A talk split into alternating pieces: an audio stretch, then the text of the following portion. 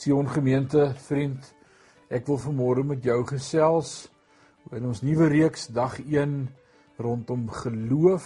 Ons gaan hierdie volgende paar dae probeer om die onderwerp van geloof vas te lê sodat ek en jy sal oorwinning kry en sal groei tot 'n beter plek in Christus. Ons gaan saam leer in die oggende en ek wil vanmôre met jou praat oor wat moet ek glo in die toets. Kyk, sekerlik gaan ek en jy hierdie toets. Ons het al die afgelope tyd toetse beleef. Elkeen van ons skryf eksamen dat dit klap, maar ek wil vanmôre vir jou help om reg te glo en vir jou uit die woord uit te wys wat moet ek en jy glo. Jakobus skryf in Jakobus 1 van vers 2 tot 4 en dan sê hy hierdie woorde agter louter vreugde my broeders wanneer julle in allerlei versoekinge val omdat julle weet dat die beproewing van julle geloof leidsaamheid bewerk maar die lydsaamheid moet tot volle verwerking kom sodat jy volkome en sonder gebrek kan wees en in niks sal kortkom nie. So wat is God se doel met die toets? En ek dink Jakobus sê dit vir ons sodat ons volkome sonder gebrek kan wees en in niks sal kortkom nie. Dit voel nie vir my en vir jou so as ons in die toets is nie, maar dis God se doel met hierdie toets. Dis wat hy vir ons wil leer as ons hier deurkom. So ek praat vanmôre met jou oor die sewe beginsels van die toets van geloof en om dit te verstaan, vat ek jou na 1 Petrus 1 vers 6 en 7 en hoor wat skryf Petrus. Hy sê daarin verheug julle heel. Al word julle nou as dit nodig is vir 'n kort tydjie bedroef onder allerlei beproewinge sodat die beproefdheid van julle geloof wat baie kosbaarder is as goud wat vergaan maar deur vuur gelouter word bevind mag word tot lof en eer en heerlikheid by die openbaring van Jesus Christus. So hieruit vanmôre 'n paar goed wat ek en jy moet leer en moet verstaan. Die eerste een is die toets strek net vir 'n kort tydjie. Ja, jy sê vir my ons is al so lank in lockdown. Is dit 'n kort tydjie? In die totaliteit van die heelal en in die groot oorlosie wil ek vir jou sê hierdie is 'n druppel in die emmer. Hierdie is een sandkorreltjie in die uurglas. En dis kort tydjie sê die woord. En dan sê die tweede plek as dit nodig is. Met ander woorde, ek en jy het nodig om deur hierdie toets te gaan. God sê ons gaan nooit onnodig deur toetse nie. In die derde plek, elke toets bring beproewinge van een of ander aard. Dis deel van die toets. Ons kan nie deur 'n toets gaan wat nie beproewinge het nie. Nou sê die vierde punt vir my daar is allerlei beproewinge. Ons beleef allerlei krisisse in hierdie tyd. Party is finansiëel, ander is ander is tekort, ander is stres, ander is daar's klomp verskillende beproewinge wat ek en jy beleef in hierdie tyd. Die vyfde punt uit hierdie gedagte uit 1 Petrus 1 vers 6 en 7 sê God bring beproewinge sodat ons geloof getoets kan word. Wow. As ek weet dis hoekom ek in die toets is, gaan ek mos in die toets wil deurkom. Ons sesde punt sê vir ons, ons geloof is kosbaarder as goud. Wow, dit maak dat ek nogal deur hierdie toets wil kom om vir God te sê ek het my geloof behou.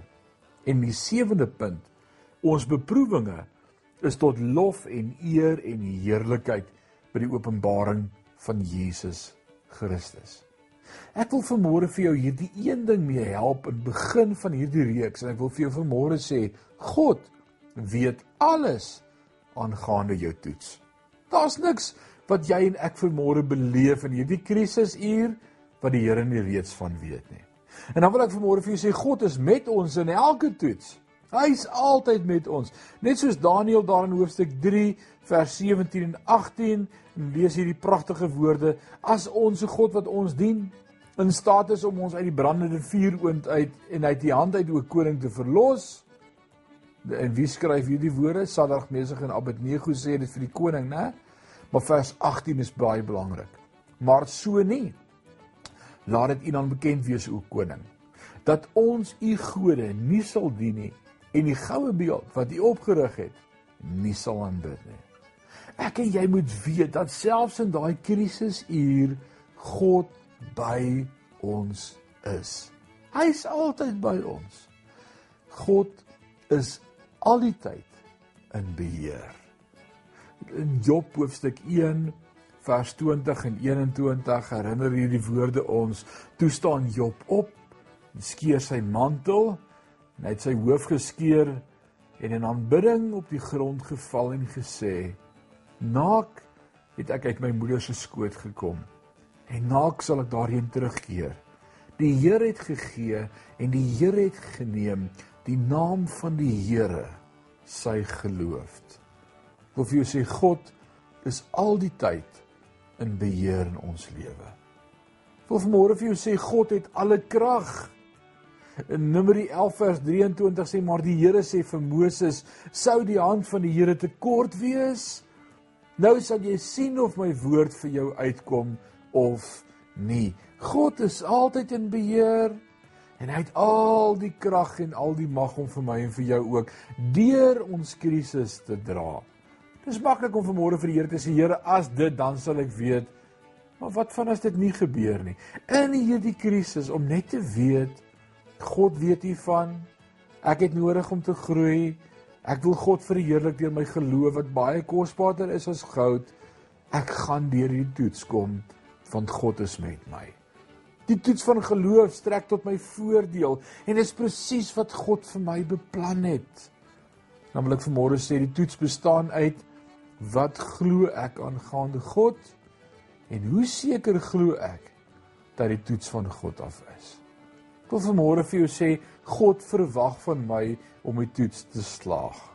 God wil hê dat ons meer in hom sal vertrou en daarom verwag hy van ons om die toets te slaag.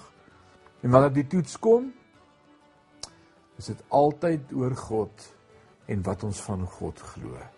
Dit gaan nooit oor wat ons van onsself dink nie. En dis hoekom die toets altyd groter is as ons. Ek wil vanmôre vir jou sê, hou vas aan die woord van die Here. Ou Abraham in Genesis 22 vers 8 en vers 12 en Abraham antwoord: God sal vir homself die lam vir die brandoffer voorsien. My seun, so het hulle twee dan geloop. En in vers 12 God sê, moenie jou hand na die seun uitsteek nie. En doen hom niks nie. Want nou weet ek dat jy God vrees en jou seun jou enigste van my nie teruggehou het nie.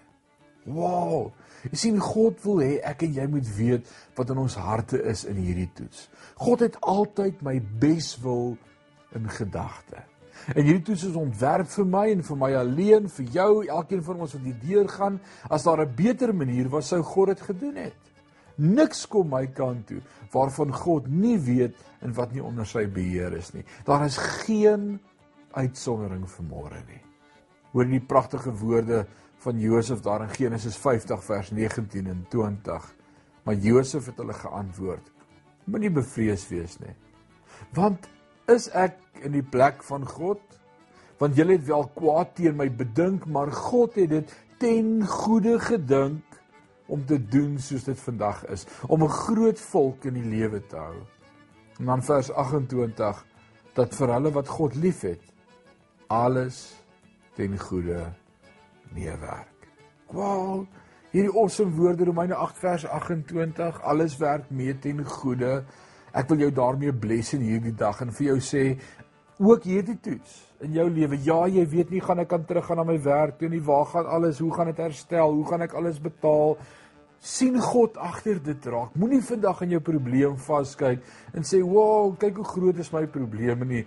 Ek wil vir jou sê agter dit staan 'n groter God en hy het 'n plan met my en met jou. Romeine 8 vers 35 skryf Paulus hierdie woorde: Wie sal ons kan skei van die liefde van Christus?